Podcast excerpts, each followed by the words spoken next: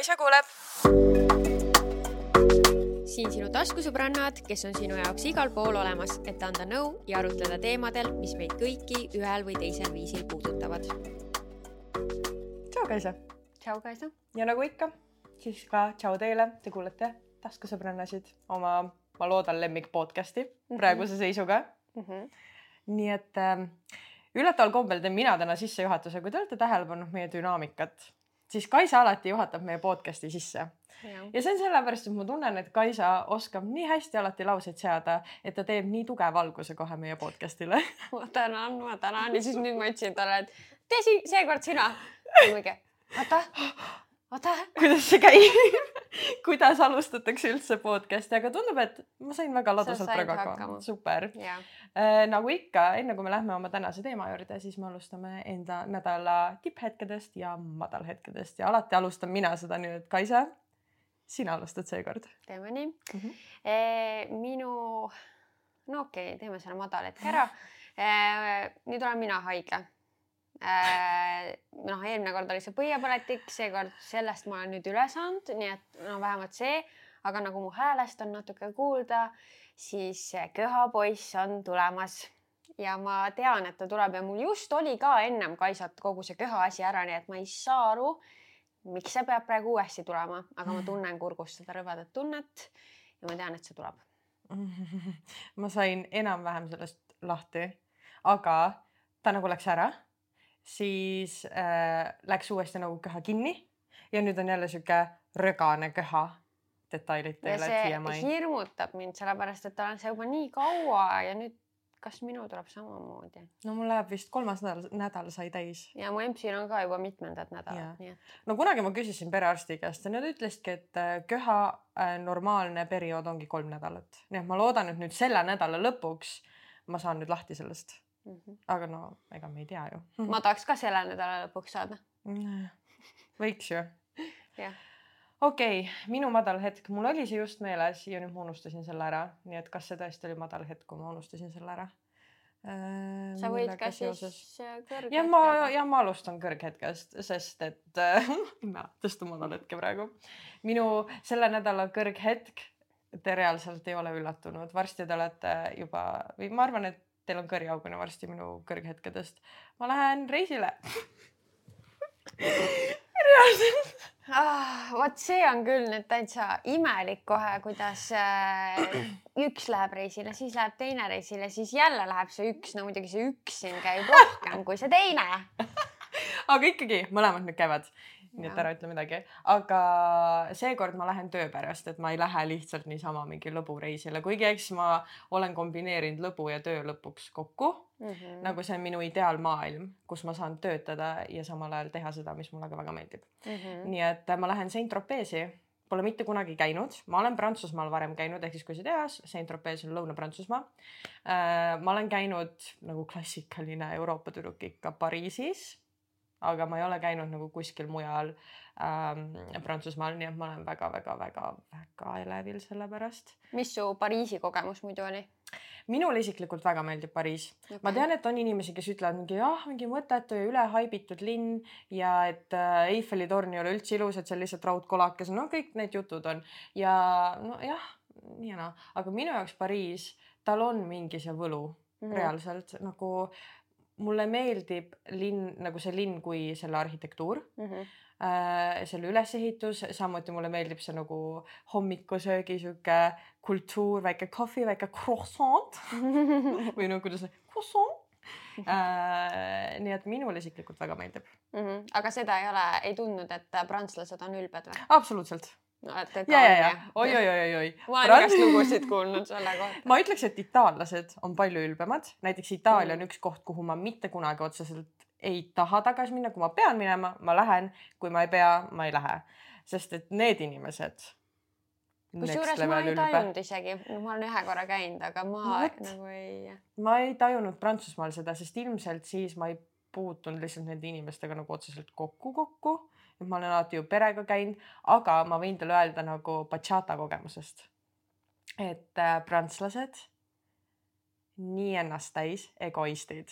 Mm.. sest et mul reaalselt, issand, ma räägin siis ära selle, kuigi see ei ole üldse seotud selle highlight'iga, aga kui sa juba tõstatasid selle teema et äh, ma olin ühel bachata festivalil ja siis äh, noh, seal on kombeks, et kui sa ütled inimesele ei, nagu et kui keegi kutsub sind tantsima, sa ütled ei, siis sa viisakalt ootad tegelikult selle loo nagu lõpuni, et sa ei lähe kellegi teisega tantsima okay.. no sest see on, sa ütled ei, siis no kuidas sa lähed kellegi teisega, eks ju mm. -hmm. nii, aga mul oli erandjuhus festivalil, kus ma ütlesingi ühele mehele ei, aga siis tuli mu sõber mind kutsuma, kellele ma nagu ütlesin, et jaa, me teeme selle tantsuvärki-särki ja ma läksin temaga tantsima ja see vend, kellele ma ütlesin ei, ta lihtsalt mingi karjus mingi oh so you don't dance with me you fucking bitch. Ja siis hakkas nagu plaksutama lihtsalt ja lava ees ja kõik inimesed näevad ja me lihtsalt oleme seal nagu sõbraga, me oleme nagu mingi ja ta oli prantslane siis või? ja see oli prantslane ja ta oli veel bachata artist mm. -hmm. nii et ma ei tea, kuidas artistid, nad peavad seal töötama, nad peavad olema nii happy pupid ja nagu nii viisakad. kuidas see inimene lubas endale sellist käitumist? jah, aga nüüd su enda partner on ka prantslane. aga minu vot ja ta on mega, mega, mega erand nagu tõesti, ta ei ole nagu tavaprantslane ja tema käitumisest veits on seda aru ka saada, et ta ei ole nagu seotud Prantsusmaaga, ta tahab väga inglise keelt osata nagu perfektselt, ehk siis nagu tavaprantsulane tegelikult ei mõtle nii, nad on ka hästi nagu mina olen Prantsusmaal ja prantsuse keel ja kogu see kultuur ja noh, et ta ei ole päris nagu selline. nojah, nii ma olen temaga ühe korra kokku puutunud, et siis tõesti nagu ei olnud mingit nina püsti hoiakut või kuidagi, et arvaks, et ta on kellestki parem või midagi, et. ei, täiesti kaugel sellest okei okay.. nii, aga sinu kõrgpunkt äh,? minu äh, kõrghetk oli äh,, mu vennal oli sünnipäev, ta sai neliteist.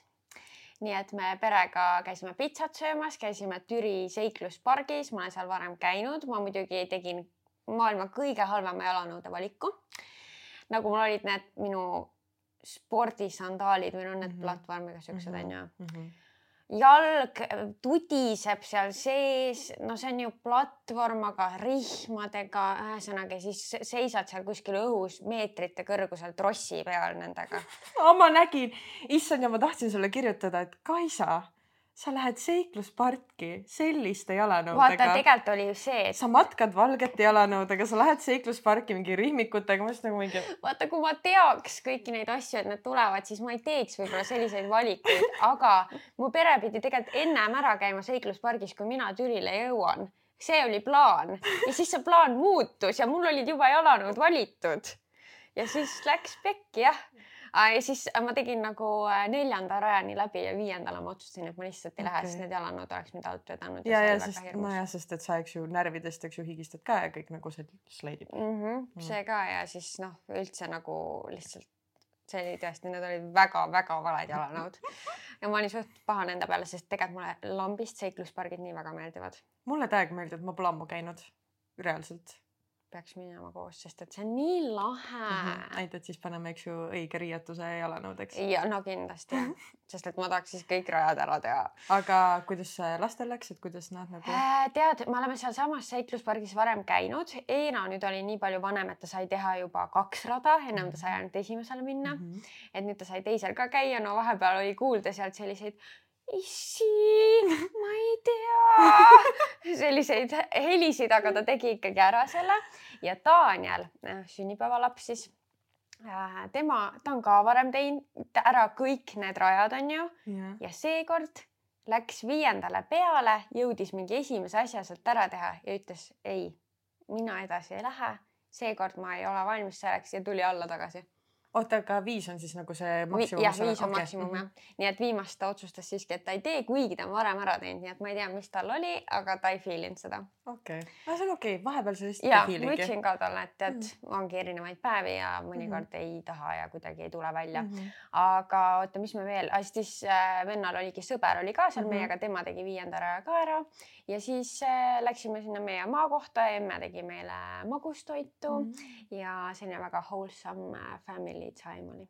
issand, kui tore. mul tuli lõpuks madalat meelde. Nonii see on nii naljakas. Nonii. sest et see on nii see on nagu see, et äh, sinul lift ei töötanud ja ma pidin treppides käima. põhimõtteliselt, põhimõtteliselt selline jah äh,. kuna mul on need reisid olnud nii tihti, eks ju oh, ma olen see tšikk, kes elab oma kohvri otsas nagu kuni järgmise reisini. ma võtan sealt välja asjad ainult siis, kui mul on seda vaja ja ma pesen ära selle ja siis ma nagu kasutan, ehk siis see kohver seisab mul muidu niisama. aga seekord ma pakkisin kohvri lahti kohe ja üheks hetkeks ja kui ma ütlen üheks hetkeks, ma päriselt mõtlen, kolmeks tunniks oli mu korter täiesti puhas, ilus ja nüüd ma olen kaks nädalat, ma ei tea, kuidas selle juhtus, elanud riidehunniku otsas. Kui ma ütlen riidehunnik, kes nägi mu viimast vlogi, siis tea, nagu ma mõtlen täpselt sellist olukorda, see vlogi algus kirjeldab praegust olukorda imeliselt, nagu mul lihtsalt kuna nagu need reisid on olnud nii väikese intervalliga, siis mul on nagu reiside vahepealsed ajad nii täis äh, pandud, et mul lihtsalt ei ole aega tegeleda selle riidehunnikuga no,. ma päriselt jõuan koju kell kümme, ma olen nii väsinud, et ma lihtsalt vaatan seda, ma olen nagu nope. ei, täna mitte.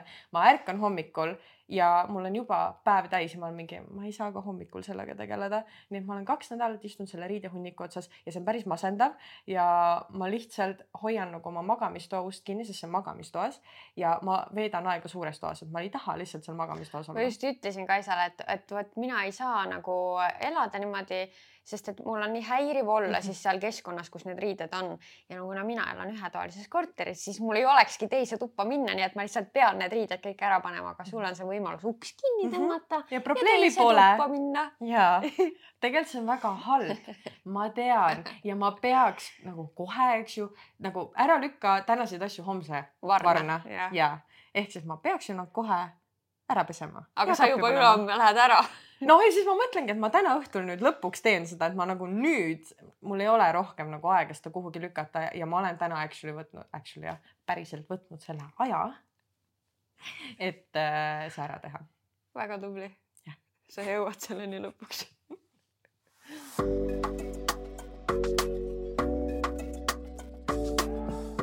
Nonii, pühapaus on nüüd tehtud ja liigume tänase teema juurde, milleks on meie töökogemused mm. -hmm.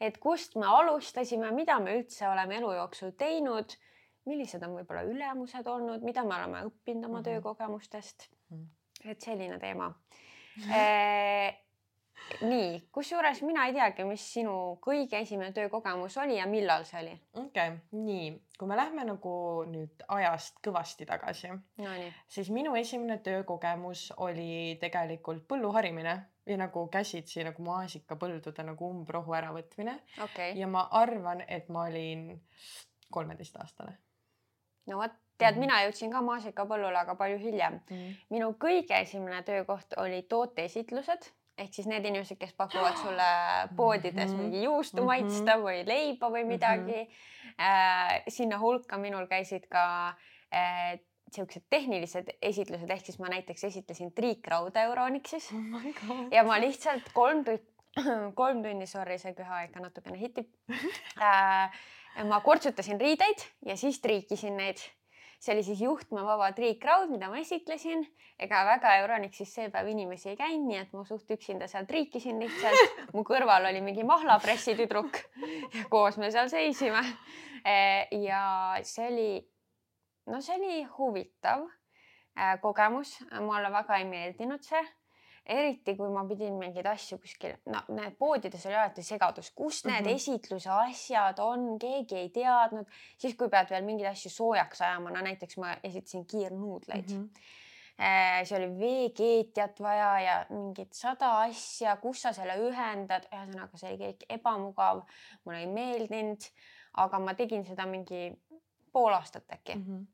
ja peale seda tuli minul alles maasika korjamine mm.. ma käisin Soomes maasikaid korjamas. issand jumal, siis me tegime täpselt vastupidiselt, sest et minul tuli eh, järgmisena tulid tooteesitlused oh nagu, sest et jah, ma alustasin selle põlluga.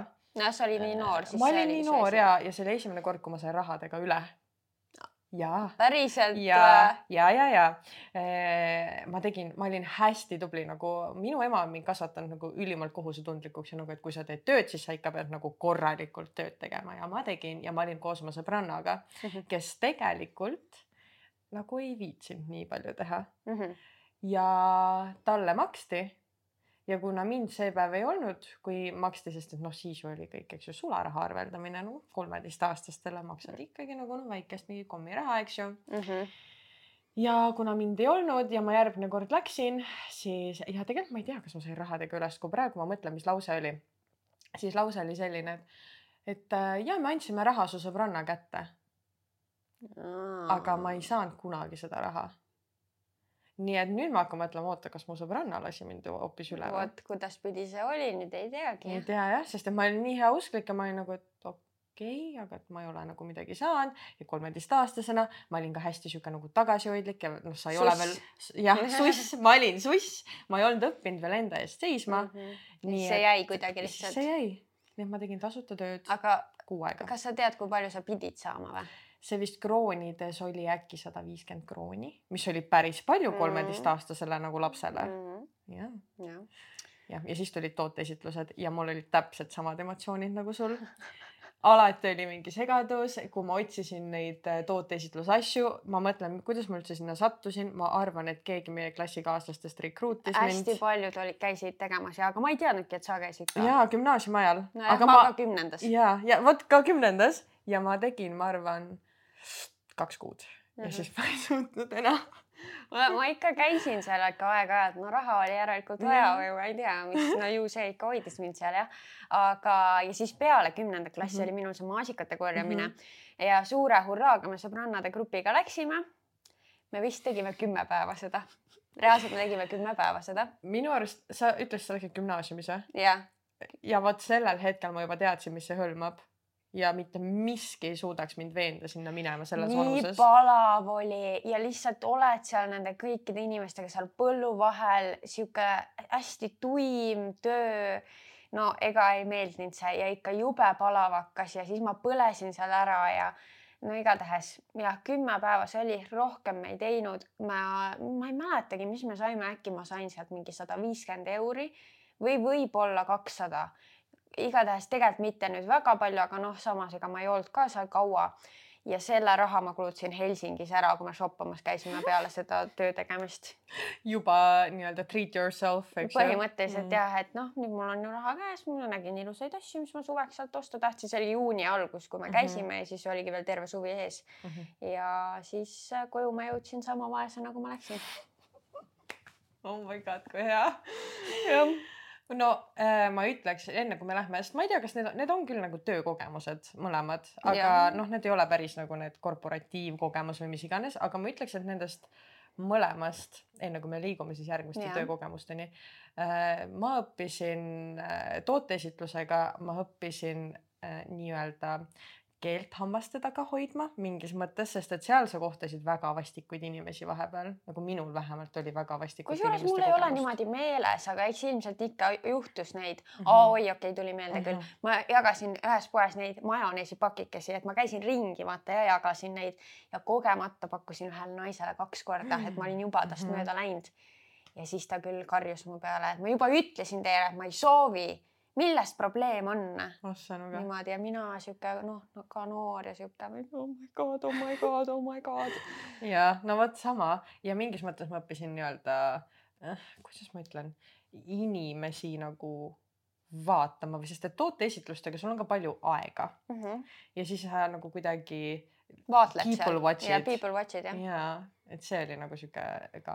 ma arvan, et minu jaoks see oli ka nagu üldse sihuke eneseületus, just oligi see, et sa pead minema kuskile poodi mingi võõra inimesega, noh, töötajaga hakkama kasvõi suhtlema, et neid asju leida, et juba see oli nagu selline miski, mida ma ei olnud pidanud varem tegema mm. -hmm et äh, sihuke inimestega suhtlemine, kui on mingi probleem mm, -hmm. siis mhm. selle kommunikeerimine, et see oli nagu esmane selline kogemus ja noh, see maasikate korjamine, ma ei teagi see õpetas, et sellist tööd ma rohkem tegema ei lähe. et mulle ikka ei sobi päris põllu vahel seal niimoodi mm -hmm. äh, kükitamine jah mm. -hmm. aga mis su nagu, nagu nüüd, kui me võtame, noh, need olid päris töökogemust, aga mis sul nagu sihuke suurem või pikem töö, kas järgmine oligi niisugune? ja järgmine mm -hmm. oli mul esimene poe töökogemus mm. -hmm. töötasin Kristiine Aldo poes, jalanõupood siis ja seal ma töötasin, ma läksin algselt nagu, et suvetöö, suveks tööle peale siis üheteistkümnendat klassi. aga mm, siis ma jäin sinna isegi niimoodi, et äh, kooli ajal käisin ka mm -hmm. mingi mhm. hästi väikse koormusega mm. -hmm. ja see oli täitsa päris töökogemus, kus mul olid kolleegid, kellega ma sain väga hästi läbi, et need varasemad tööd noh, tooteesitlused on väga üksik töö, sul ei ole seal mingeid kolleege ja noh, maasikaid korjama ma läksin sõpradega, et siis mul tekkisid esimesed nagu töösõbrad mm -hmm. ja seal ikka ma pidin mingisugust äh, ühesõnaga inventuure tegema ja nagu päris asju tegema ja mul mhm. oli vastutus ja ma pidin mingeid rahasid lugema, poodi lahti tegema, kinni panema, kõiki nagu kõik siuksed nagu päris asjad.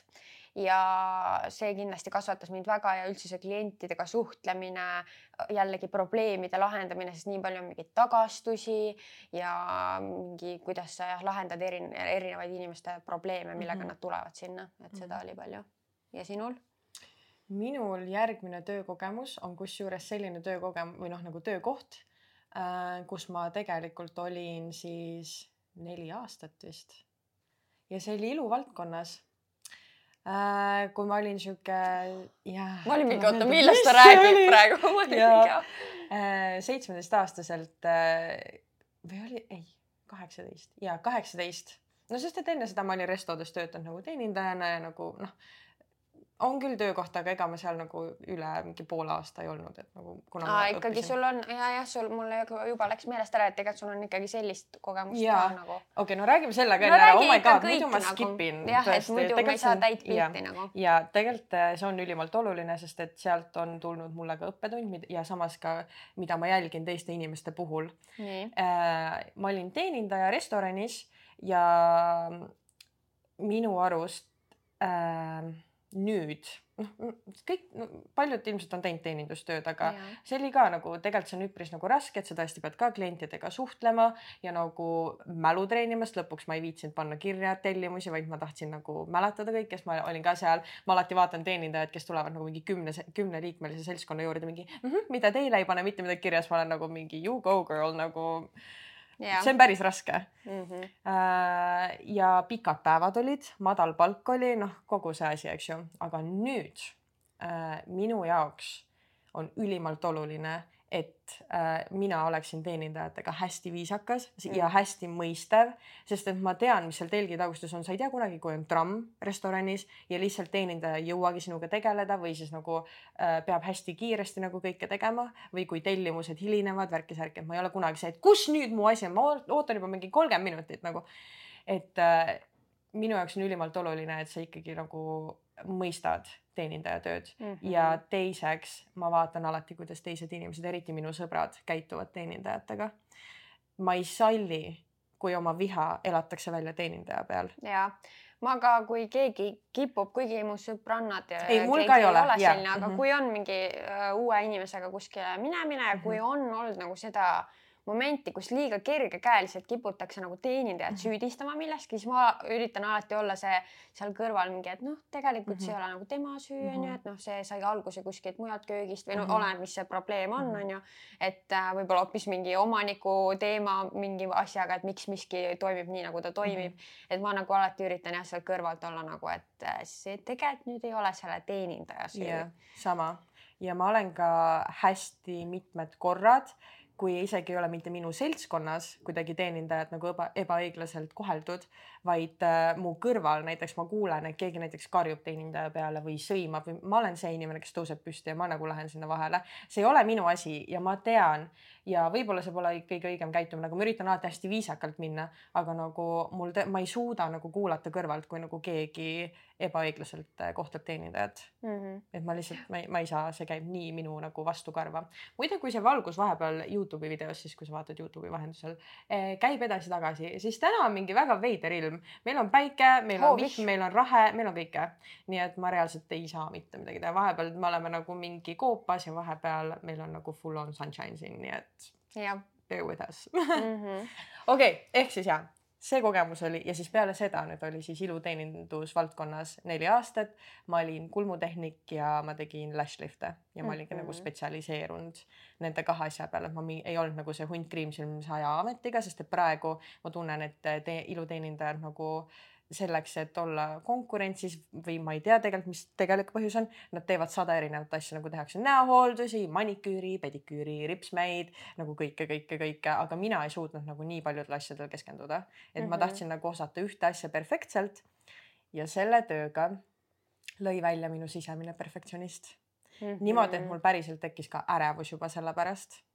sest et äh, mis oli nagu minu töö juures minu jaoks ülioluline, oli see, et inimene läheks ära niimoodi, et ta on nagu hästi rahul ja samuti see, et kõik näeks perfektne välja, ehk siis kui ma teen kulme, siis nad peavad olema kaksikud, ma ei leppinud nagu, et oo, kulmud on õed, ei, nad peavad olema kaksikud. Mhm. Nad peavad nägema nii ühesugused välja kui võimalik, olema üli nagu hästi hajutatud, kuju peab olema on point vastavalt inimese näole, eks ju. ja mul tekkis mega anxiety alati, kui inimene lõpuks sai selle peegli kätte ja siis ta pidi mulle ütlema, et mis ta arvab. Mhm. sisemuses ma teadsin, et ma tegin väga head tööd, mu ülemus äh, väga tihti oli minuga nagu äh, salongis ja ta alati nägi neid kliente ja iga kord ta tuli ütlema, et nagu Kaisa, nii ilus töö oli, nii hästi tehtud. ehk siis nagu ma teadsin, et ma teen head tööd, aga ikkagi iga kord mul oli hirm anda seda peeglit inimese kätte mm -hmm. ja küsida, et noh, mis sa arvad Mhm. sest et ma olin nagu see pihv ka, et kui inimene ütles, et äh, talle ei meeldi, siis ma olin nagu selge. kas sa soovid, me paneme sulle uue aja ja ma teen sulle tasuta nagu uuesti, meie ülemus võib sulle uuesti teha, et nagu, et kui sa ei ole rahul, kuidas mina teen, ma olin täiega see inimene. kas juhtus siis ka seda, et keegi ütles, et ei ole rahul või? noh, ikka paar korda juhtus, aga õnneks tõesti need paar korda olid ka siis, kui mu ülemus oli seal, ta vaatas töö üle ja ta tuli ütlema pärast, seal ei olnud mitte midagi viga, kõik oli väga hästi. No et lihtsalt selle inimese maitsega siis Mhm. järelikult ei läinud kokku, onju. ja, ja sellepärast oligi nagu minu jaoks nii raske, sest et ma teadsin, et ma mängin inimese välimusega Mhm. ja see on nii oluline osa nagu igale inimesele Mhm. ja ma ei tahtnud ju kunagi nagu välimust rikkuda ja minu silmis võis kõik hästi olla, aga noh, see inimene võis tunda ennast nagu väga halvasti või mis iganes. nii et selle tööga ma olin seal nii kaua, aga mul tekkis väga suur anxiety. Eh, mina ei tea, kas see on common knowledge, aga mina igatahes enne sinuga suhtlemist, kuna me hakkasimegi siis suhtlema, kui sa tegid kulme mm, Mm -hmm. ei teadnud seda, et üks iluteenindaja võib nii hästi teenida. ma Jah. ei teadnud seda ja siis Kaisa räägib, no me ikka, me räägime kõigest väga ikka onju. Ja rahast ka. ja, ja Kaisa siis rääkis noh, et või me rääkisime sellest, kui palju me teenime ja midagi ja et kui palju tema teenib ja ma, mul oli tegelikult täitsa nagu üllatus see, mm. -hmm. et see kindlasti hoidis ju ka sind ikkagi seal noh, nagu selle töö peal. ja no põhimõtteliselt ma tegin seda tööd äh, terve aja, kui ma olin äh, ülikoolis või noh, siis kõrgkoolis ja nagu päris raske oli lõpuks, sest et mul oli ikkagi nagu ülemus, kes äh, tegelikult tahtis, et nagu sa teeksid tööd võimalikult palju, ta mingis mõttes jah, oli mõistev, et ta sai aru, et ma käisin koolis, aga vahepeal lendasid ikka need kommentaarid, et sa peaks ikkagi rohkem tegema või pikemaid päevi või miks sul on lõunapaus kolmkümmend minutit või nagu kõik siuksed asjad ja mm, kuna ma ikkagi tegin, tegin kolm päeva nädalas, kaksteist tundi, eks ju, või neli päeva isegi vahepeal kaksteist tundi järjest, nagu lõunapaus oli mingi kolmkümmend minti. sul käib mingi kaheksa kuni kümme klienti ja noh, need summad, üks mingi kulmuhooldus tol hetkel, tavakulmuhooldus oli kakskümmend viis eurot meil. Lash lift oli mingi kolmkümmend viis eurot, koos oli nelikümmend viis eurot ja kuna mul oli väga-väga hea diil ikkagi oma ülemusega, siis ma teenisin rohkem, kui ma arvan, et paljud inimesed praegu isegi korporatiivmaailmas. nagu ma ei hakka teile siin summasid ütlema, sest et tegelikult eks mul on kokkulepped ka, et ma ei tohi nagu avalikult, eks ju, rääkida nendest summadest, aga äh, ma päriselt jah, teenisin tõesti nagu niimoodi, et ma arvan, et väga paljud isegi praegu ei teeni siukest no sa summat. said mingi meganormid kõrvale panna, seda ma Jaa. tean onju, Jaa. et sa panid Jaa. nagu ikka igakuiselt väga hea summa kõrvale, mis tänu millele sa saidki ka vist nagu esimest korda USA-sse ja, ja, ja, onju Mhm. et, et see võimaldas sul ka jah, nagu reisida ja, ja. Asju teha. ja, aga ma ütlen teile kohe, mis ma veel selle tööga õppisin. mitte ükski summa ei paneks mind uuesti seda tööd tegema mm.. -hmm. nagu lõppkokkuvõttes mul oli tegelikult päris raske. Mul oli mentaalselt väga raske, sest et meil ülemusega lõpuks oli, ta oli ka megaperfektsionist ja ta nõudis mult hästi palju ja nagu iga väiksem asi tekitas meil konflikti, nagu tõesti siuksed asjad, mis tegelikult tavaelus ei tohiks tekitada mitte ühelgi inimesel konflikti. ja meil tekitas ja ma mäletan ühte päeva, kus ta jälle nagu päris agressiivselt kirjutas mulle ja mingis mõttes ka tõstis häält mu peale Mm -hmm.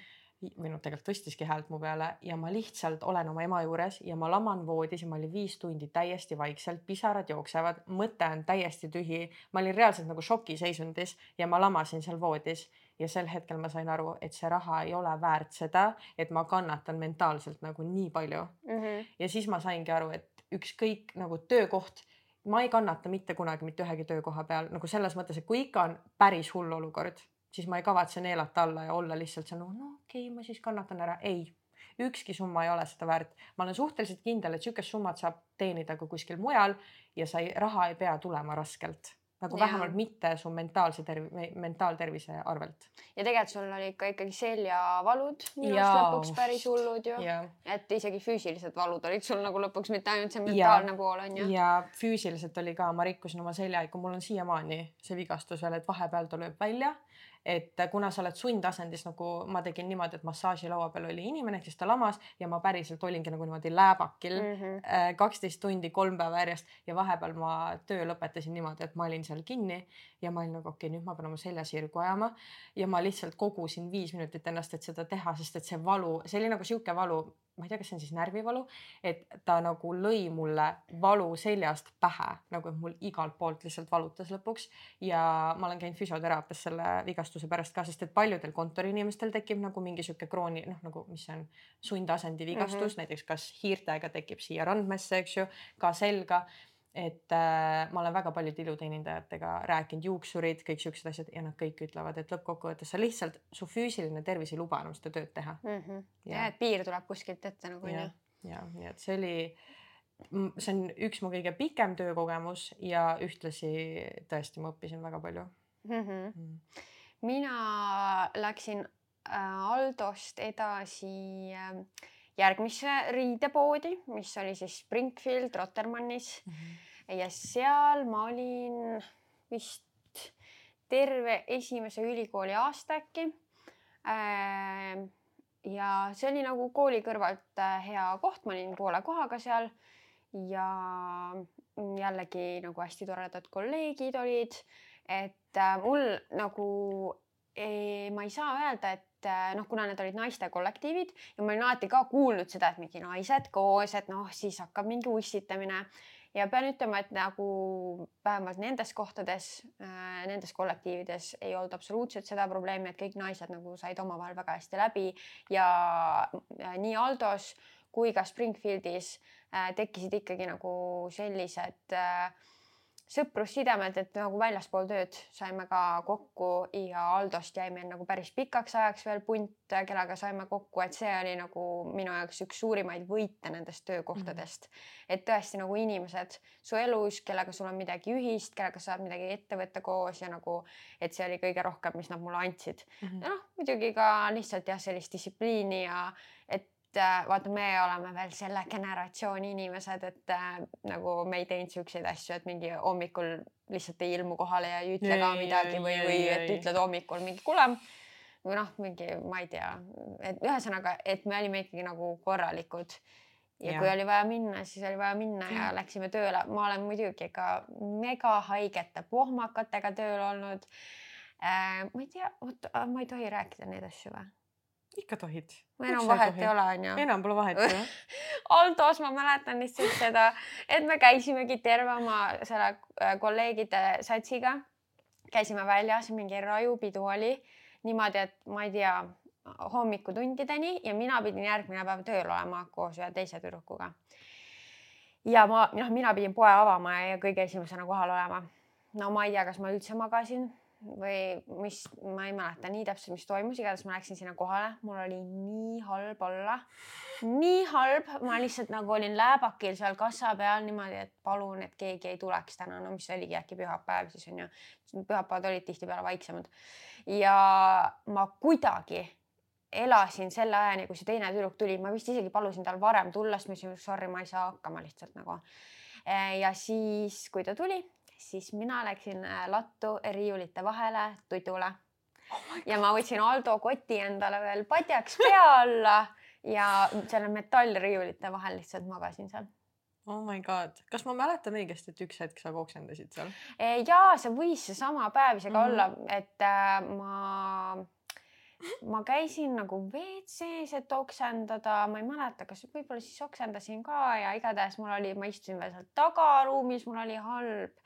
võib-olla oksendasin siis ka, ma enam neid detaile ei mäleta. üks väga kohutav tööpäev oli see. aga see oli õudne ja siis ma muidugi peale seda ma ikkagi õppisin oma veast ka, et päris niisuguses seisundis ikka ei saa tööle minna, et siis peab ennem eelnev päev ikkagi mõtlema läbi, mida sa saad teha ja mida sa ei saa teha.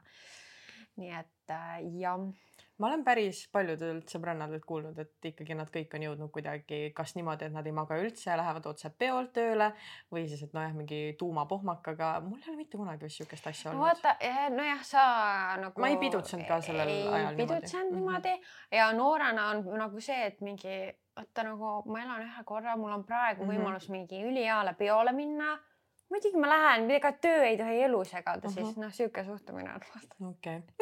et äh, jah, siis, siis oli niimoodi, aga äh, no okei okay,, võib-olla me jõuame äh, nendest töödraamadest hiljem rääkida või kas ja. ma peaks juba jooksvalt või?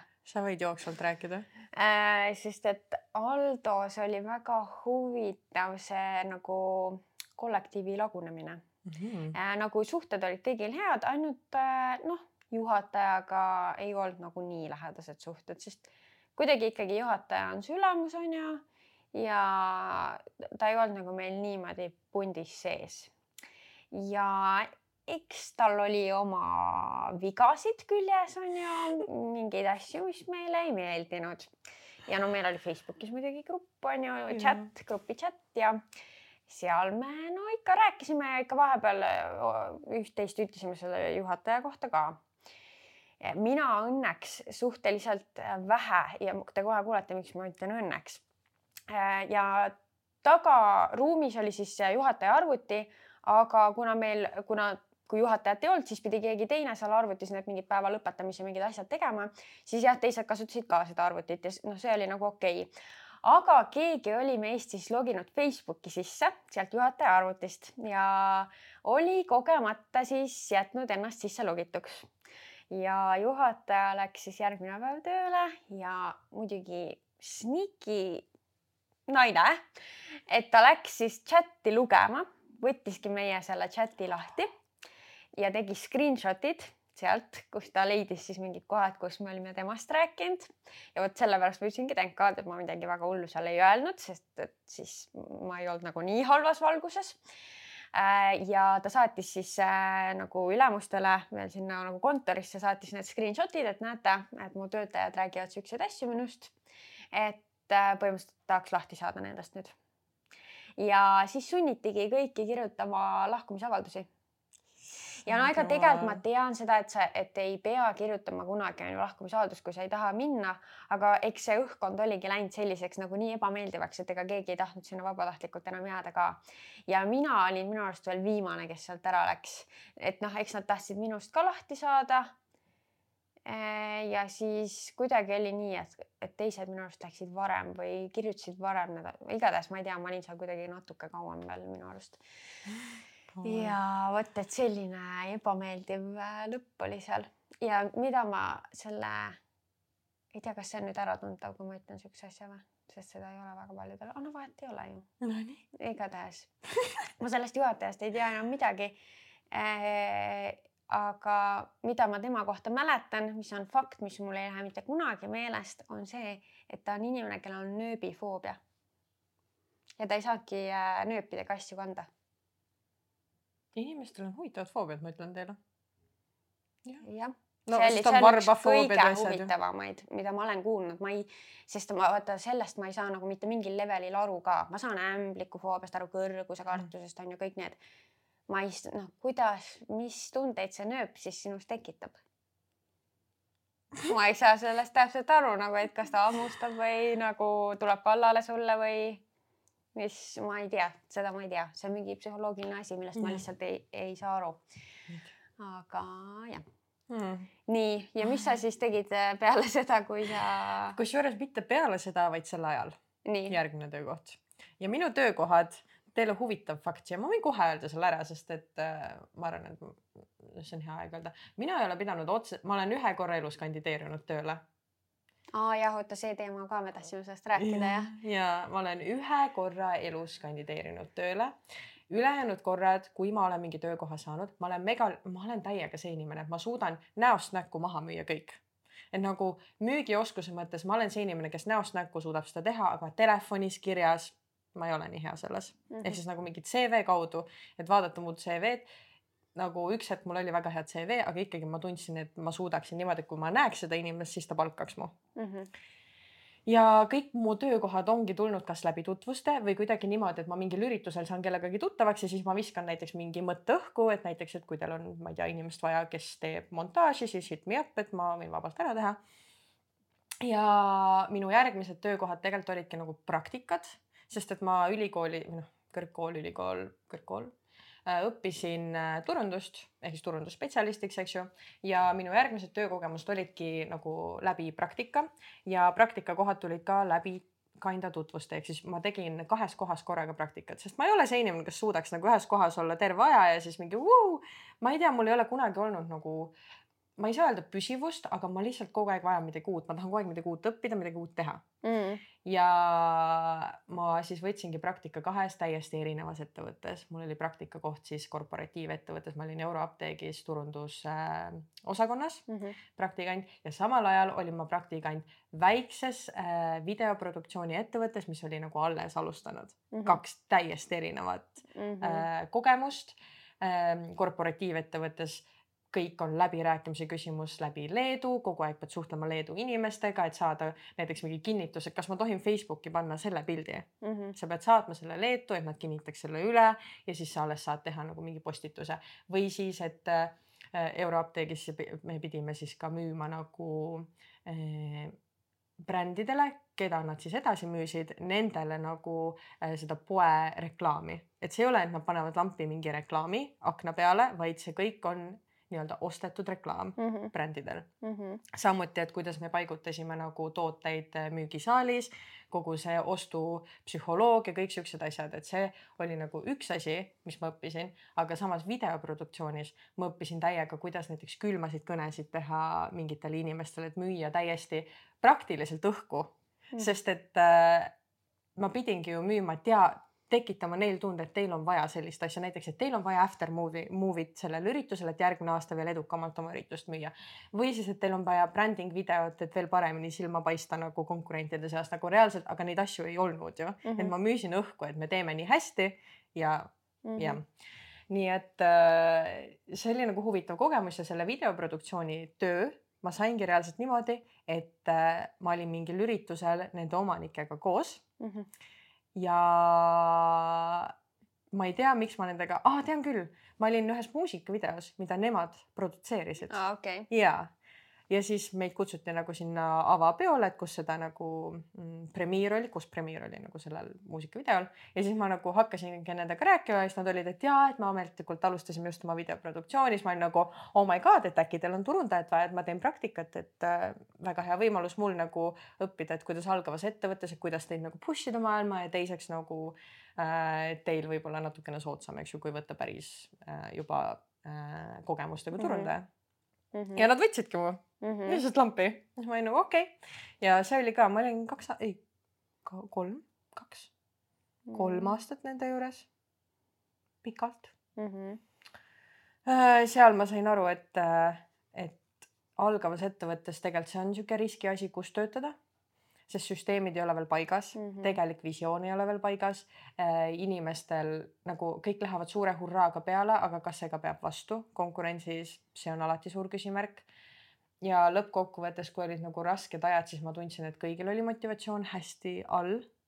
ja kohati ma vahepeal tundsin, et ma ise nagu motiveerin neid töötama ja siis ma nagu tundsin, et see ei ole ka päris nagu õige, võib-olla see ei olnud nii, võib-olla see oli lihtsalt see, kuidas mina tundsin mm. -hmm aga igal juhul äh, üks hetk ähm, Euroapteek nagu sai lepinguga läbi ja ma sain sealt näiteks aru, et ma ei taha korporatiivettevõttes töötada. ehk siis see oligi, kõik oli nagu, nagu mõistetav. kas sellepärast siis, et äh, kogu see bürokraatia, mis seal oli, et see kinnitamine ja see, kui palju asjad aega võtavad. ja, ja täpselt, pluss see, et ma olin hästi kastis, ma tegelikult ei saanud oma ajuga mõelda. Mm, -hmm. mul olid ettekirjutused, mis tegema peab. Kohati ta on väga tore, sellepärast et ongi, ma tunnen, et see oli täpselt see töö, et kui ma oleksin tulnud kell viis läpaka kinni pannud, ma ei mõtle mitte midagi enam aga kohati ma, mulle ei sobi see, et ma olen nagu väga kastis kinni, et ma ikkagi tahan nagu kaasa rääkida.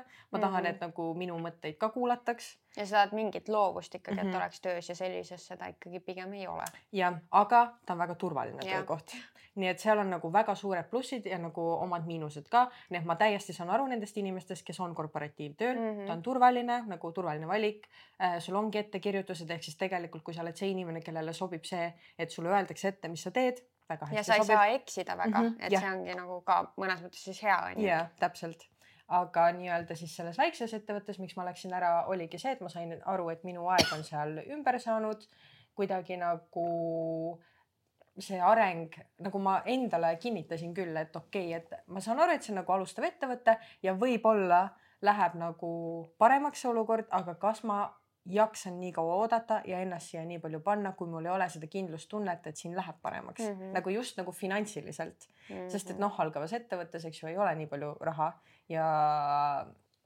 nagu elu kallineb, sul on vaja nagu makse maksta, sul on vaja üüri maksta mm. -hmm. ehk siis tegelikult palk on ülimalt tähtis, kui sa kellegi all töötad.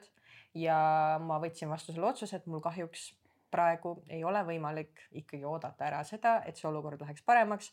nii et äh, me otsustasime lahku minna. praegu äh, me nende tööandjatega ei suhtle enam.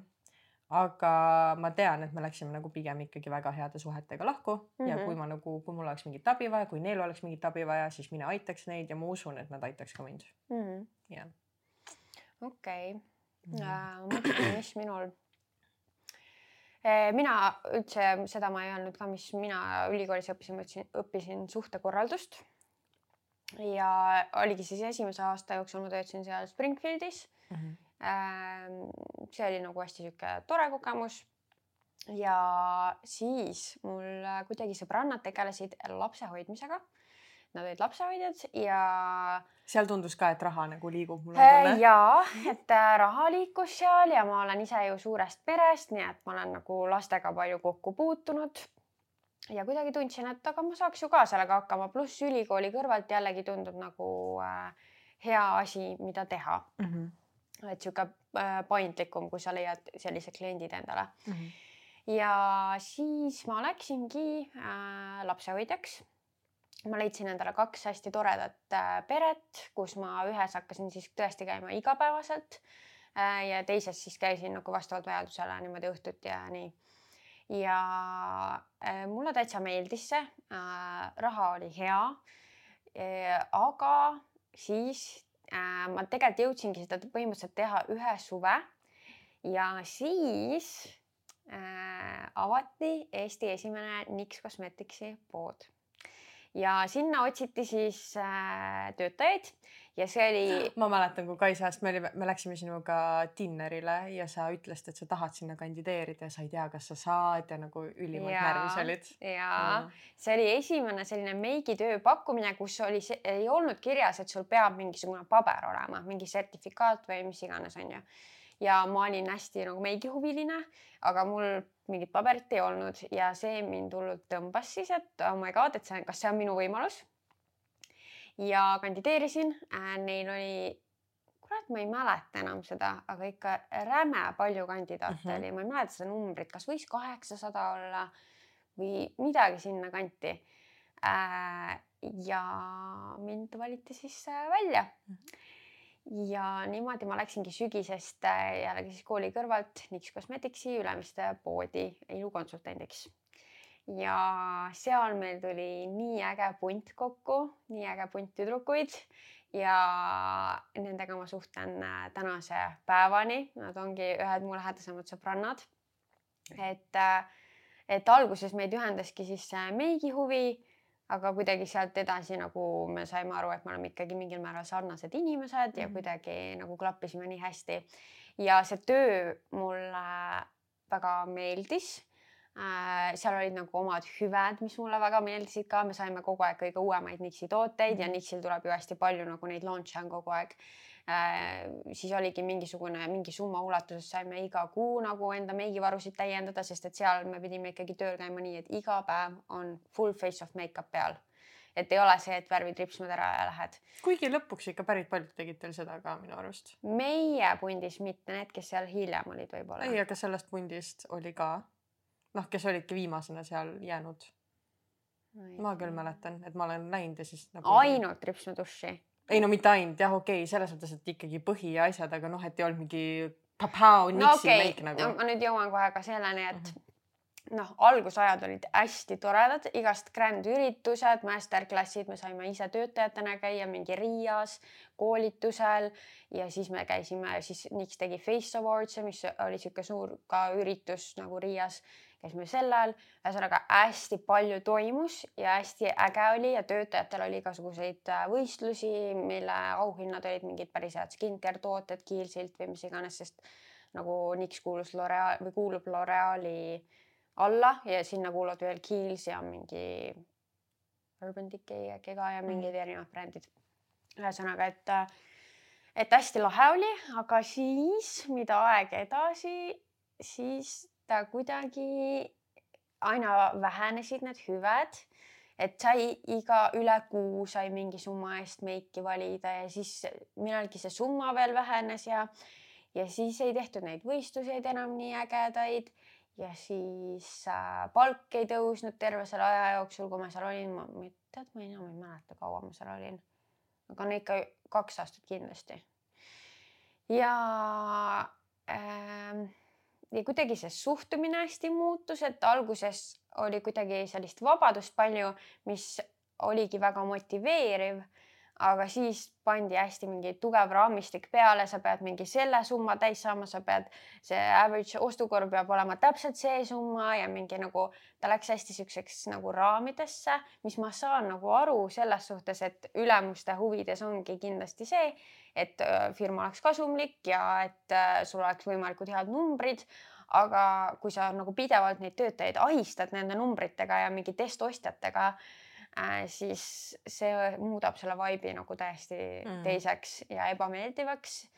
ja eks siis kindlasti ta mingil määral väljendus ka selles, et inimesed ei pannud enam nagu mingi hetk nii palju effort'it huvitav ongi see, et, et sa ütlesid, et average ost või noh, nagu keskmine ostukorv oli mingi kindel summa, ehk siis teilt eeldati suuremat müügitegevust nagu seal mm -hmm. saalis, ehk siis täpselt seda, mis mulle näiteks üldse ei meeldi, kui teenindaja tuleb minu juurde ja hakkab peale suruma mingeid asju, ma tulin oma ühe ripsme duši järgi, palun ära räägi minuga. no vot, see ongi, eestlased ju ei taha seda, ülemused on ju teistest riikidest, äh, peaülemused kuskilt Pariisist. Nemad mõistavad neid asju teistmoodi ja neil on täiesti savi sellest, milline see eestlane iseloomult on. Nemad tahavad, et sa lähed ja sa ei küsi kas-küsimusi, kas saan aidata, vaid sa ütled meil on täna seil ja tule vaata siiapoole, meil on see, see ei sobi eestlasele absoluutselt mm. -hmm et äh, noh, hästi sihukest suruti peale müügikultuuri, mis siia ja. keskkonda lihtsalt ei lähe. aga see on huvitav, USA-s ma läksin täiega sellega kaasa, kuidagi seal on, ongi teine mentaliteet ja ma ise täiega kohanesin selle mentaliteediga. Eestis olles ilmselgelt ma ikkagi ütlen väga viisakalt, et ei aitäh, et ma lihtsalt vaatan, aga mu mõttes on see, et nagu palun ärge tulge mulle suruma, mul on nii ebamugav, kui te nagu vaatate mulle kuklasse ja noh, kas ma nüüd saan sulle veel aga samas müüa? ka nendes olukordades ma mõtlengi seda, et ma tean, et ega nad ise ka need teenindajad tegelikult ei taha. absoluutselt ongi. et tema kõigile... ülemus ütleb, et mine vaata. ja et ongi, see on kõigil nii ebamugav olukord. jah mm -hmm., sest et ega jah, ükski teenindaja väga ka ei taha, kui ta just ei ole tõesti tulihingeline mm -hmm. müügiinimene, müügiinimene. Mm -hmm. aga üldiselt jah, keegi ei taha, kas sa oled sunnitud sest teatud kohtades vaadatakse kaameratest ja mis iganes. seal olid ka meil väga pikad tööpäevad, istuda ei tohtinud, et niisugused asjad nagu pikapeale noh, väsitavad ära. Mm.. ja äh, ja mis ma, siis me pidime seal alg-, alguses tegime klientidele ka meike vahepeal, et see oli minu esmane kogemus teistele inimestele meigi tegemisega, mis oli kindlasti nagu kasulik ja siis, mis minu enda lemmikasi oli see, et kui keegi tuli jumekat ostma, siis ma tegin iseendale nagu challenge'it, mida aeg edasi läks, seda rohkem ma olin nagu, tahtsin seda, et ma saaks esimese korraga õige tooni. ja lõpuks ma olin selles ikka päris hea, ma ütlen teile mm. -hmm et ma noh, Nixis on nagu meeletult toone, jumeka toone on nelikümmend viis ehk siis eh, see noh, võib üsna keeruline olla. noh, eriti sa pead võtma arvesse alatoone ja kõiki neid asju mm. -hmm. Mm -hmm. jah, aga jah, see oli sihuke mäng lõpuks mu jaoks mm. -hmm. jah, see oli hea kogemus ja noh, kõige tänulikum olen ma nende inimeste eest mm., kes, kellega ma seal tutvusin ja kes on siiamaani mu elus mm aga ta oli üldse nagu meigialased teadmised kindlasti said sealt hoogu, oh my god ja tegelikult põhiasi ma oleks peaaegu juba mööda läinud sellest, sellepärast ma üldse täna siin olengi. ma arvan, et üldse nagu, et sai juhtuda see mm, -hmm. et mhm. on mingi podcast, mul on mingi sotsiaalmeedia värk, millega ma tegelen, on tegelikult lõppkokkuvõttes tänu sellele, et ma hakkasin äh, meigiga tegelema mm, -hmm. et ma hakkasin värvilisi meike postitama Instagrami, siis ma hakkasin äh, tutorial'e tegema story des, õpetama, kuidas ma midagi teen. ja sealt see jõudis Youtube'i ja sealt see on nüüd edasi läinud kõigeks selleks, mis see täna on no,. nii et äh, jah äge. minu järgmine töökogemus on tegelikult freelance imine. Ja siis ma hakkangi mõtlema, et kui vähe ma tegelikult olen kellegi alluvuses töötanud, aga mul on tunne, et nende väheste kogemustega ma saingi aru, et lihtsalt mulle peab väga sobima see ülemus, kellega ma töötan mm. -hmm. et ma enam nagu ei suuda aktsepteerida igasuguseid nagu nii-öelda töötajate väärkohtlemisi või noh, siukseid asju, et ma suht kiiresti ikkagi, ma tahan see kõlab egoistlikult, aga tegelikult see ei tule egoistlikust kohast, ma tean enda väärtust ja ma tean, mida ma nagu kannatan ja mida mitte ja mida on okei okay kannatada ja mida mitte. no ma arvan, me kumbki ei ole selle poolt, et vaikselt kuskil istuda mm -mm. ja kannatada mm, -mm. et üldse mm -mm. ei arva, et nii peaks olema. E ja ei ole ka, okei okay,, ma kohe jõuan ka mm -hmm. selle juurde, miks ma nii arvan, aga nagu ei ole ka mõtet sellepärast kannatada, et mul oleks CV-sse panna, et ma mm. olin ikka aasta aega kuskil või et mm ma olin mitu aastat kuskil. vahet ei ole lõppkokkuvõttes, sa raiskad tegelikult enda väärtuslikku aega. jah, no jah, jah, vot see ongi mu mõtlemine ja sellepärast ma ilmselt hakkasingi freelance ima, pluss tegelikult Covid sundis mind freelance ima. sest et äh, millal ma videoproduktsioonist ära tulin, oli kuu aega enne seda, kui nagu raske Covid hittis ja kõik kinni läks ja tegelikult ei palgatud enam inimesi ja nagu siis ma olin, et oh, shit, võib-olla oleks pidanud veel natukene aega olema oma seal mm -hmm. õiges kohas. Äh, ja ma tegelikult ja sealt tuligi minu esimene kandideerimine mm. -hmm. enne seda, kui ma, ma freelance isin ka juba. ehk siis nagu tegelikult, kui ma lõpetasin videoproduktsioonis, siis turundus oli ikkagi nagu ma tundsin, et ma oskan seda hästi, ma sobin sellele alale aga mis mul hakkas sees põlema, oli videoproduktsioon mm. -hmm. nagu äsin, et kuidas nagu panna videoid hästi nagu haaravalt, kaasahaaravalt kokku. sest selleks ajaks sa olid alustanud Youtube'iga juba või? ei olnud, olnud siis okay. alustasingi, kui ma tulin sealt töökohast ära mm. -hmm. ja ma mäletan, et ma ütlesin neile ka enne, kui ma tulin ära, et ma megalt tahaks ikkagi õppida nagu videoproduktsiooni, et kuidas nagu kokku panna, kuidas filmida nagu kogu see nagu tehniline pool värki-särki. ja nad alati nagu kuidagi olid hästi motiveerivad selles suhtes ja hästi toetavad aga kuna tegelikult sel hetkel oli päris palju projekte neil endal ka käsil, mitte ainult nagu produktsiooni asju, vaid ka muud projektid, siis neil ei olnud kunagi aega, et mind õpetada. nii et ma õppisin nagu meie äh, monteerija kõrvalt, et ah, mis ta tegi, värki-särki ja sellepärast ma tegelikult hakkasin Youtube'i tegema, sest et mulle lihtsalt nii pakkus huvi video tegemine.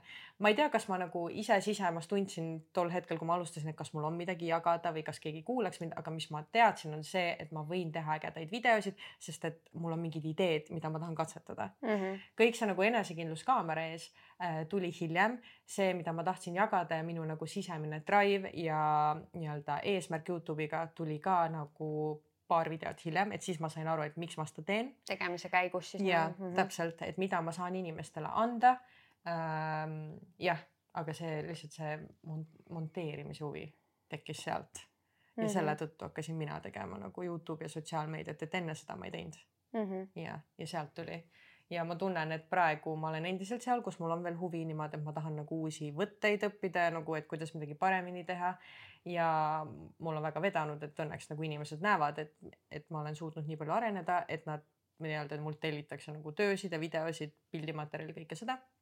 aga enne kui ma ju läksin nagu, kui ma nagu Youtube'i nii agaralt tegin, ma olin vist teinud pool aastat, kui ma siis lõpuks kandideerisin ka tööle, sest ma freelance imisega, mis ma olen õppinud, on see, et ma ikkagi olen tiimitöötaja, mulle mm -hmm. väga meeldib tiimis töötada mm, -hmm. mulle meeldib, kui on nagu siukene ähm, koos nii-öelda kollektiiv, kes on nagu ühe mindset'iga, kõigil on midagi nagu lisada, et nagu kõik täiendavad üksteist.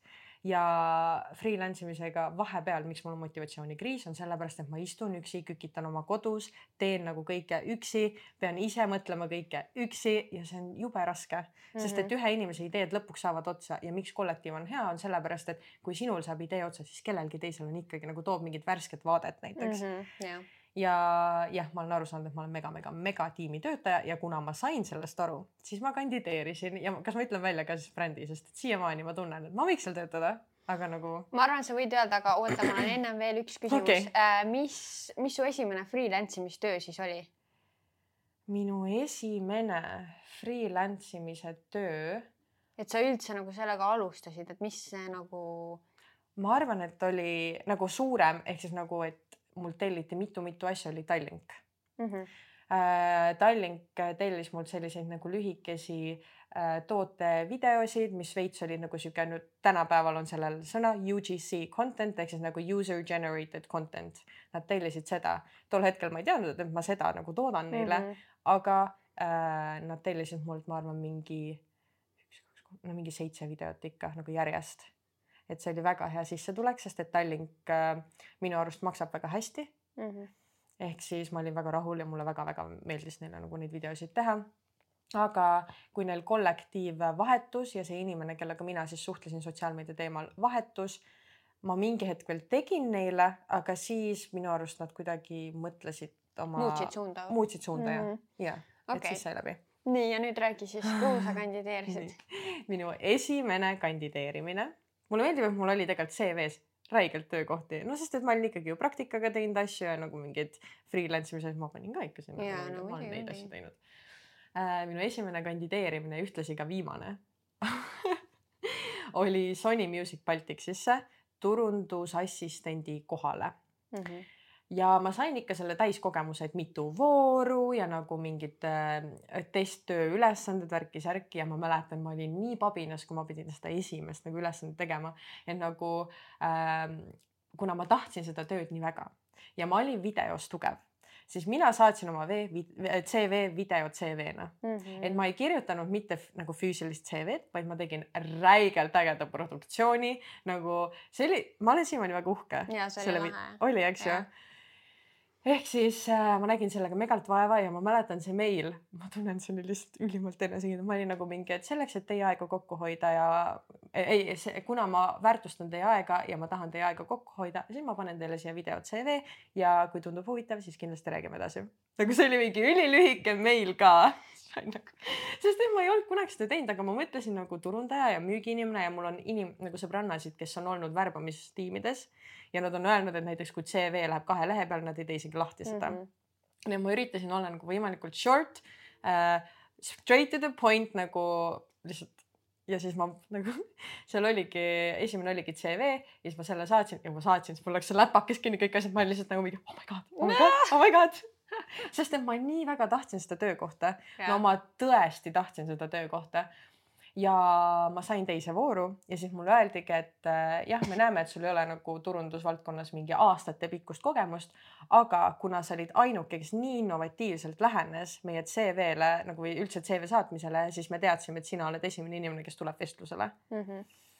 ja mulle tundus, et okei okay,, et vestlus läks nagu mega hästi, alati on niisugune tunne minu arust no,. ei, ei sa ei tea, sest see oli su esimene. ja, aga ja nagu viimane. kuidagi ma megalt vaibisin nende kahe inimesega, sest et Eestis äh, selles filiaalis siis tol hetkel töötaski vist kaks inimest tegelikult ametlikult mm, -hmm. et ülejäänud vist nad ostsid teenuseid sisse mm. -hmm ja mulle tundus täiega, et nagu jaa, vaibisime ja nad ise ütlesid ka, et jaa, et mega äge oled ja värki-särki, et me võtame siis ühendust, kui edasi saad ja ma sain edasi Nii, ja siis tuli see testiülesanne, siis ma pidin nagu kirjutama pressiteate ja ma pidin nii-öelda planeerima siis ühe PR event'i Alicia Keys mingi laulu promomise jaoks mm. -hmm.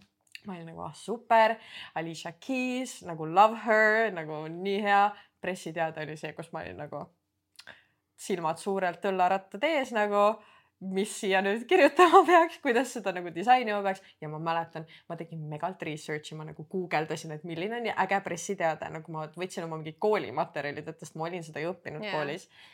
ja siis ma nagu kirjutasin selle ära, värki-särki, see oli jube raske mu jaoks, sest et ma tundsin tol hetkel, et mul on inglise keeles nii palju lihtsam kirjutada ähm, kaasahaaravat teksti kui eesti keeles.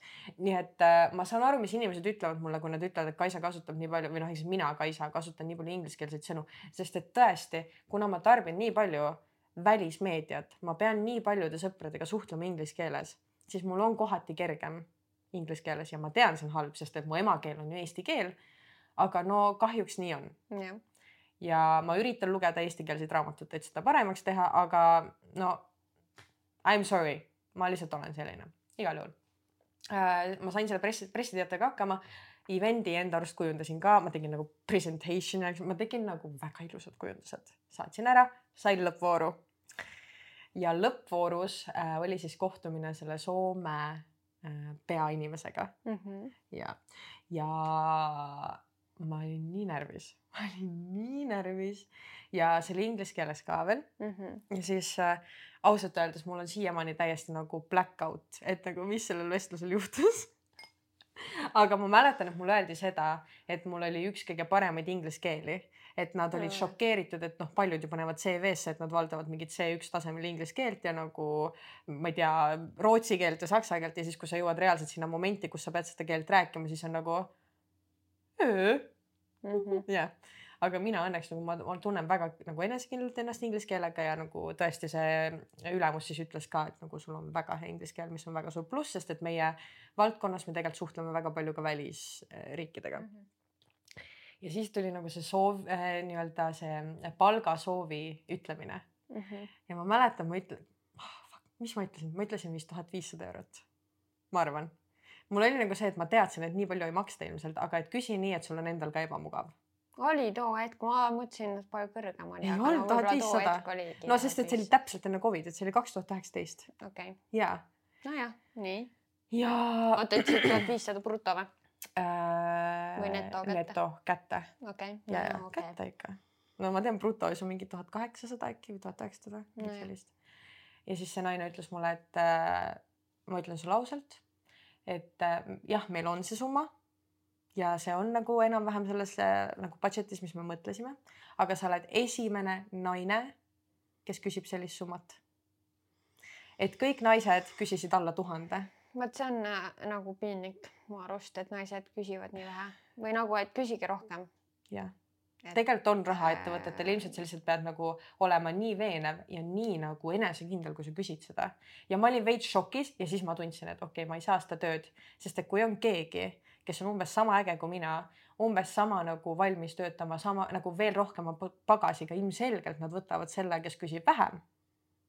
ja ma tegelikult ei tea ju siiamaani, kas see inimene, kes sinna palgati lõpuks, kas ta küsis vähem või mitte. no ega me ei tea jah. me ei tea aga mm, ma seda tööd ei saanud äh,. Nad kirjutasid küll, et nagu nad tahaks minuga tulevikus töötada, siiamaani see pole juhtunud, nii et ilmselt see oli täpselt, mida öeldakse nagu kõigile mm -hmm. ja see mhm. tegi mind väga kurvaks.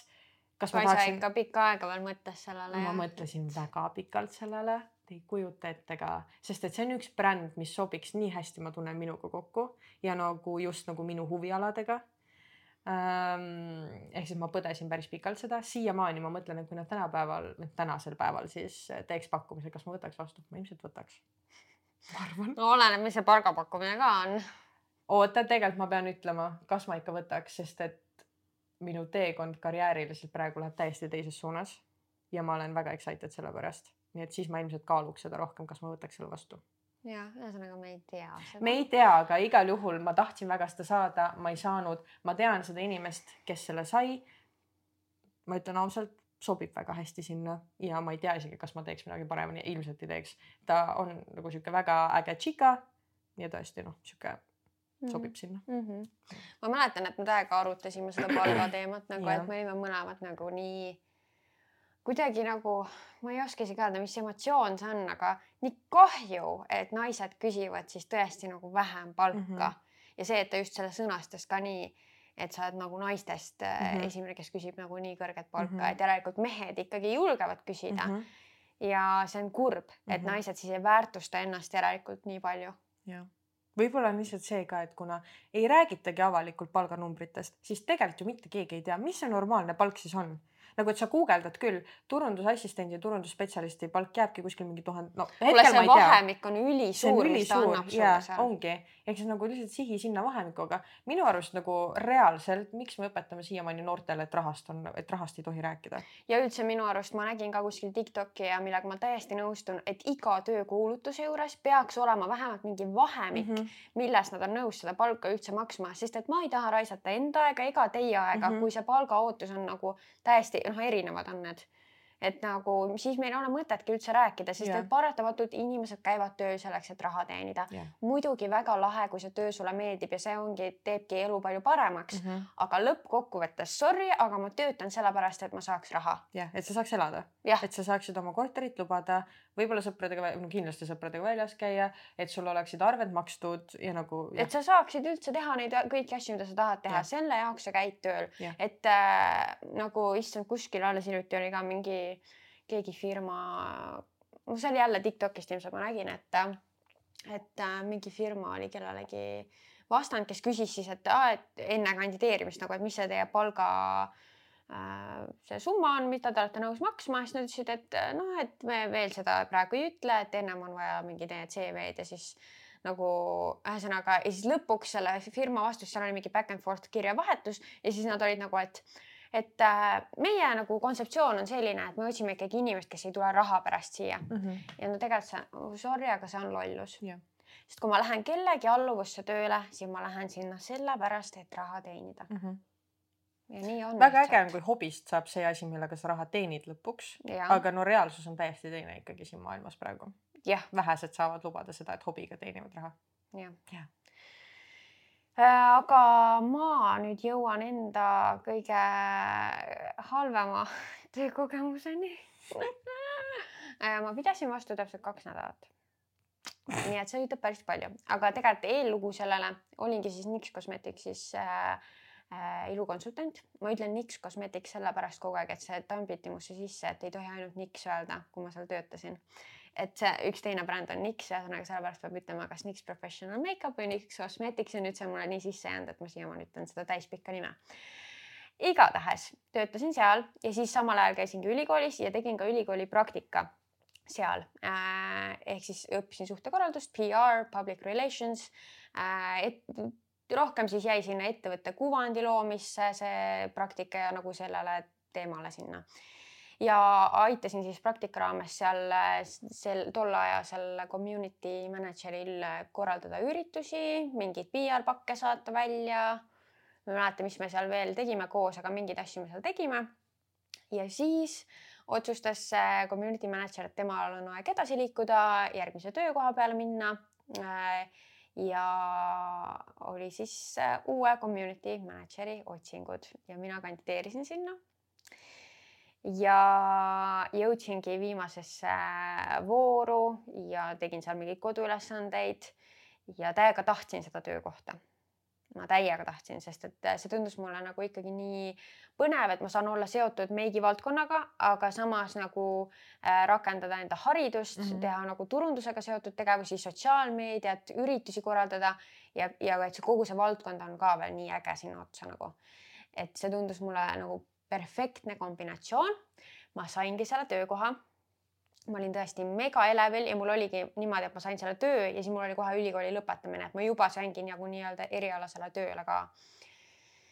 ja tegelikkus oli te, noh, üsna kurb minu jaoks, et äh, mind visati nagu pea ees vette mm -hmm. ja mul ei olnud nagu mingit tuge, rääkimata mingist sisseelamisprogrammist, sihukest asja seal ei olnudki ja ma tundsin ennast meeletult üksinda. muidugi ma olingi Eestis nagu ainus, kes Nixi asjadega tegeles väljaspool poodi.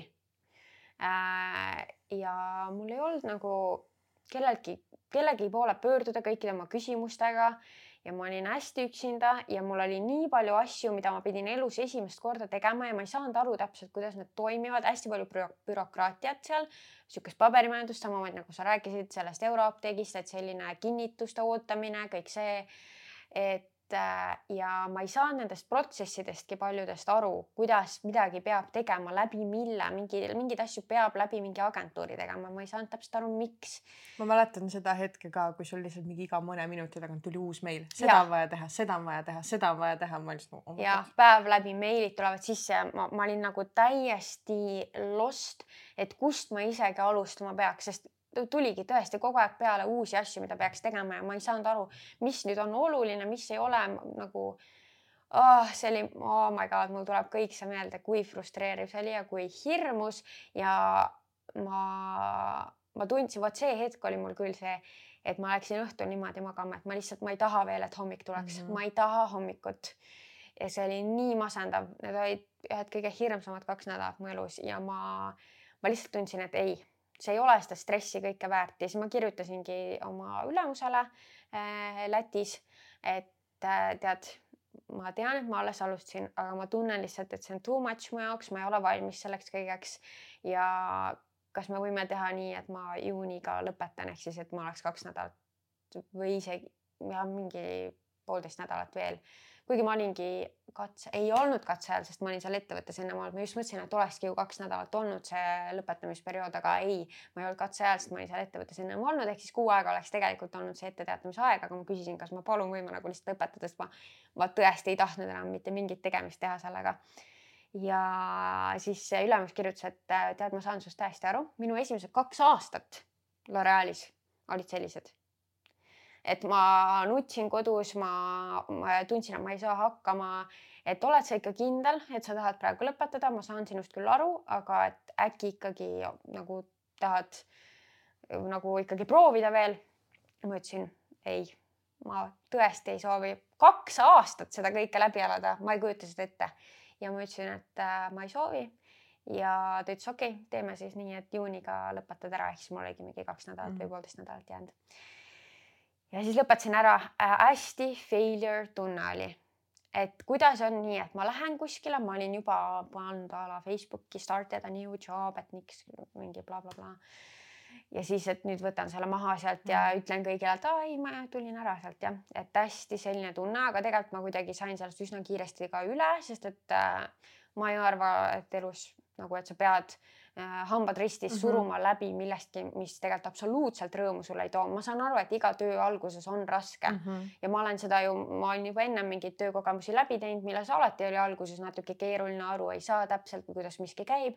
aga sellist tunnet ei olnud mul ühegi tööga olnud ja ma tundsin, et ma lihtsalt ei taha seda läbi elada mm. -hmm. nii et tulin ära ja siis äh, sinule sarnaselt äh, tegin siis äh, tol ajal keha, kehapoele neid user generated mm -hmm. videosid.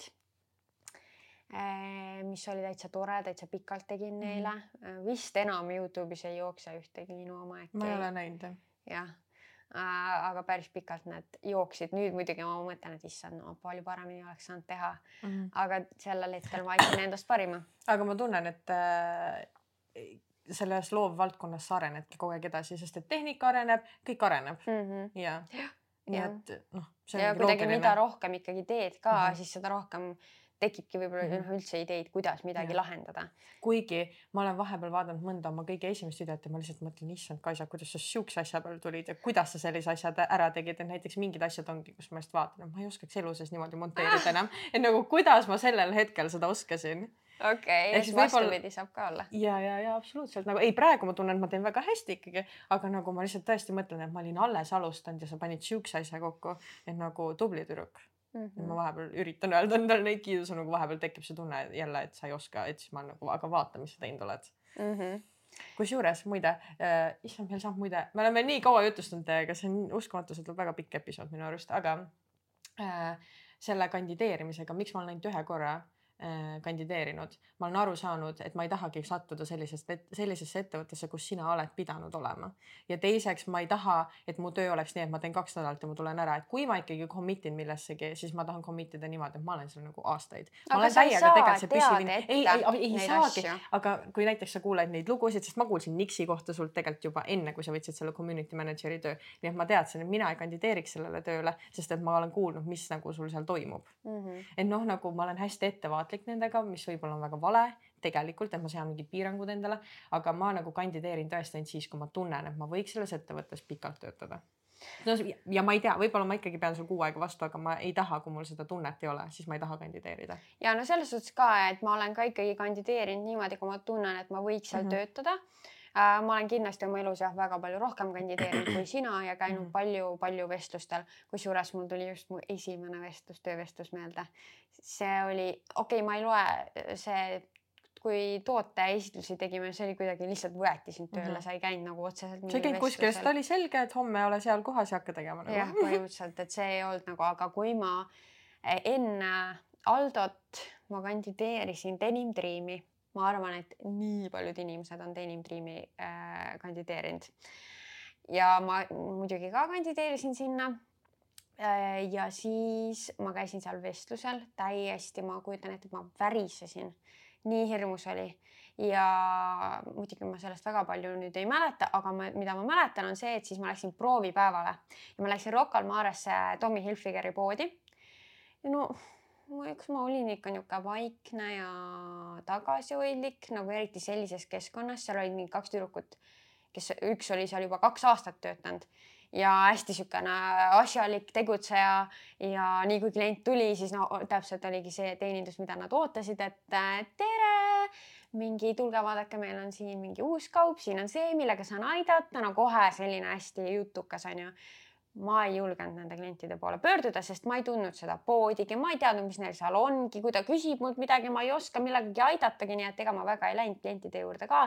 ja siis mulle sealt äh, minu arust öeldigi, et, et äh, kahjuks äh, jäite liiga tagasihoidlikuks. nii et sinna ma siis äh, ei saanud. jah meil on tegelikult koos ju veel üks töökogemus. kas see oli pea, peale kõike seda, ma arvan, et see oli kuskil vahepeal, et see nüüd ei ole kronoloogiline järjekord minu jaoks ta oli. ei, on küll. peale on, seda nipsi. ja, ja, ja see on ja. ka mul peale kandideerimist ja keset freelance imist.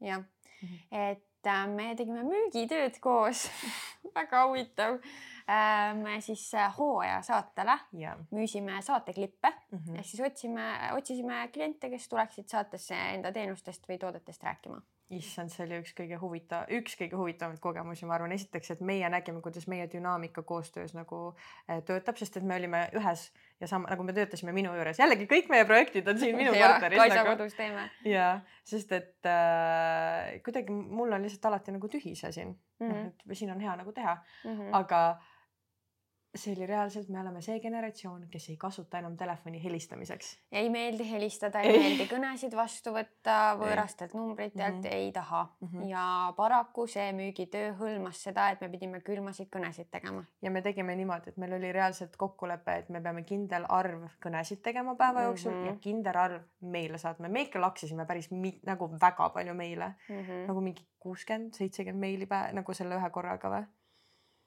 ma ei mäleta, kas nii palju oli, aga oli, no. me tegime kolmkümmend oli nagu see, aga ja kõnesid oli mingi viis kuni kümme mm. -hmm, jah ja., mida jah, kõnesid oli igal juhul palju vähem me kumbki ei tahtnud neid teha ja siis mina läksin teise tuppa tegema, Kaisa tegi siin, siis me rääkisime, siis me mingi aeg, seda me oleme vist maininud ka kuskil, aga et me leidsime enda jaoks selle, et väike pokaal veini sinna kõrvale muudab selle talutavamaks. oo oh, jaa, kuidagi lõdvestas närvid või nagu mm -hmm. tõmbas siis mul ikka süda puperdas sees, kui ma pidin seda kõnet hakkama tegema, kutsub ja ma juba mõtlen nii, okei okay,, ma ütlen kohe seda, seda mm, -hmm. siis ma ütlen selle, nii mm, -hmm. kordan seda oma peas läbi mm, -hmm. vaata, tere, ma olen Kaisa hooaja saates või no mis iganes, ma ei mäleta, mis ma täpselt tahtsin öelda.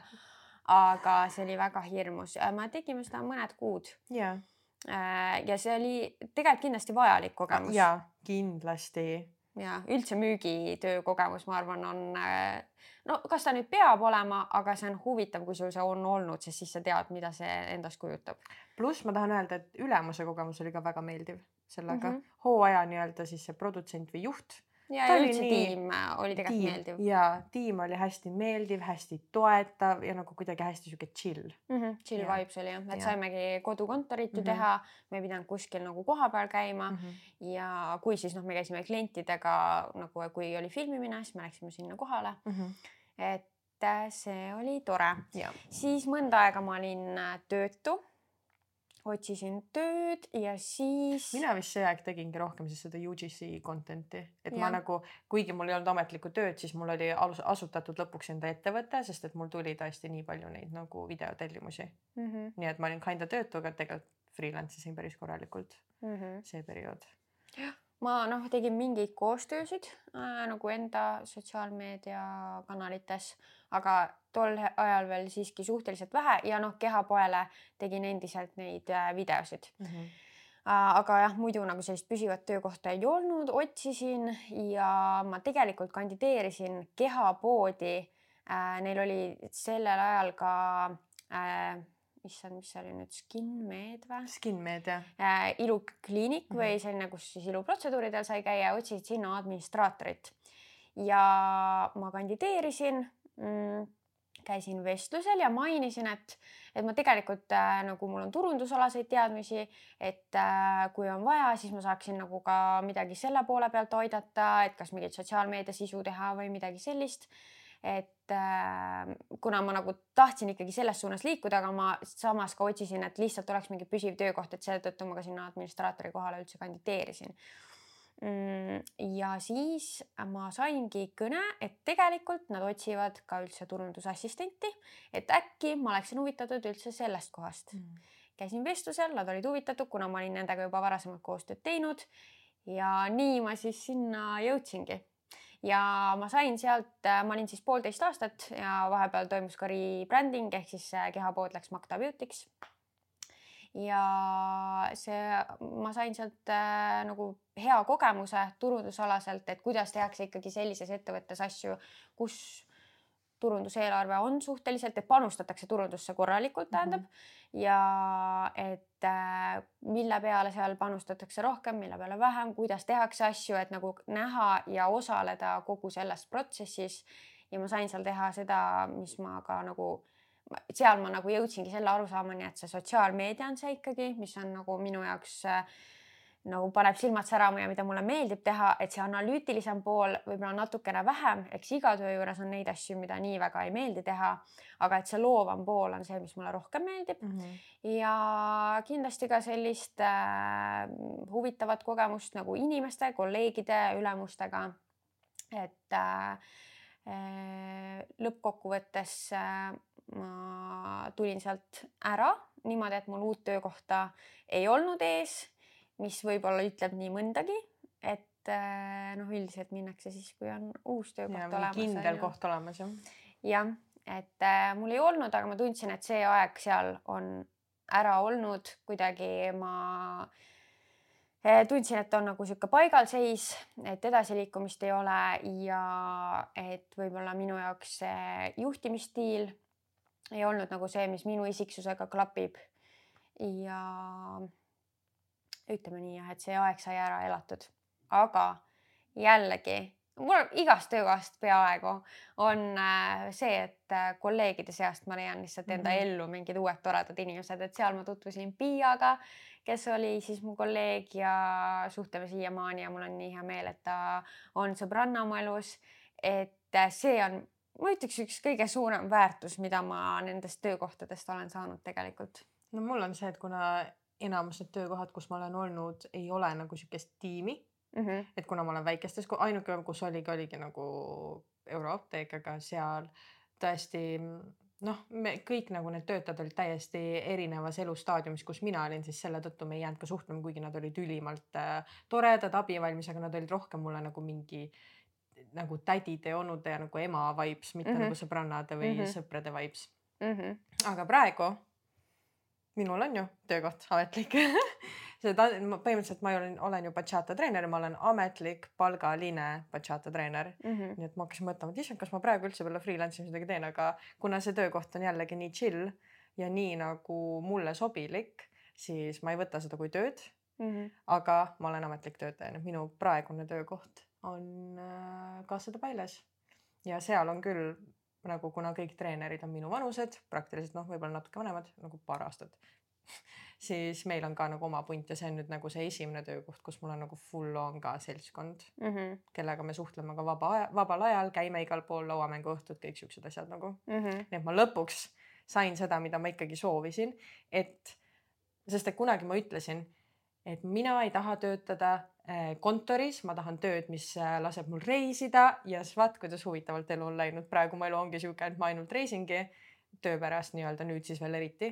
kuna partner, eks ju mm -hmm., prantslane äh,. aga ma ei tööta kontoris ja mul on väga äge seltskond, ehk siis ma sain ikkagi kõik, mis ma tahtsin, ma tahtsin olla tiimiliige mm. -hmm ja nagu olla loov ja niimoodi ja mitte olla nagu erilistes raamides ja praegu ma tunnen, et mu hing on saanud kõik selle mm. -hmm ja mina olen hetkel siis ametlikult äh, turundusspetsialist mm -hmm. alustavas ettevõttes, nii et teen nüüd seda kogemust läbi mm, -hmm. kuidas on siis sellises tõesti äh, väga värskes ettevõttes äh, asju teha. aga ma näen juba, et sa saad kõvasti parema nagu isegi kindlama kogemuse või nagu kindlama, sest et, et tal nii-öelda sinu praegusel tööandjal tal on prioriteedid ja kõik nagu maailmavaated ja nagu kuidas ettevõte peab töötama väga paigas. jah, ja kuna ta on mu sõbranna abikaasa, siis mm -hmm. ta ei saa mind üle lasta. jah et äh, ja, ja siis lisaks siis teen äh, sisuloomet mm -hmm. jah.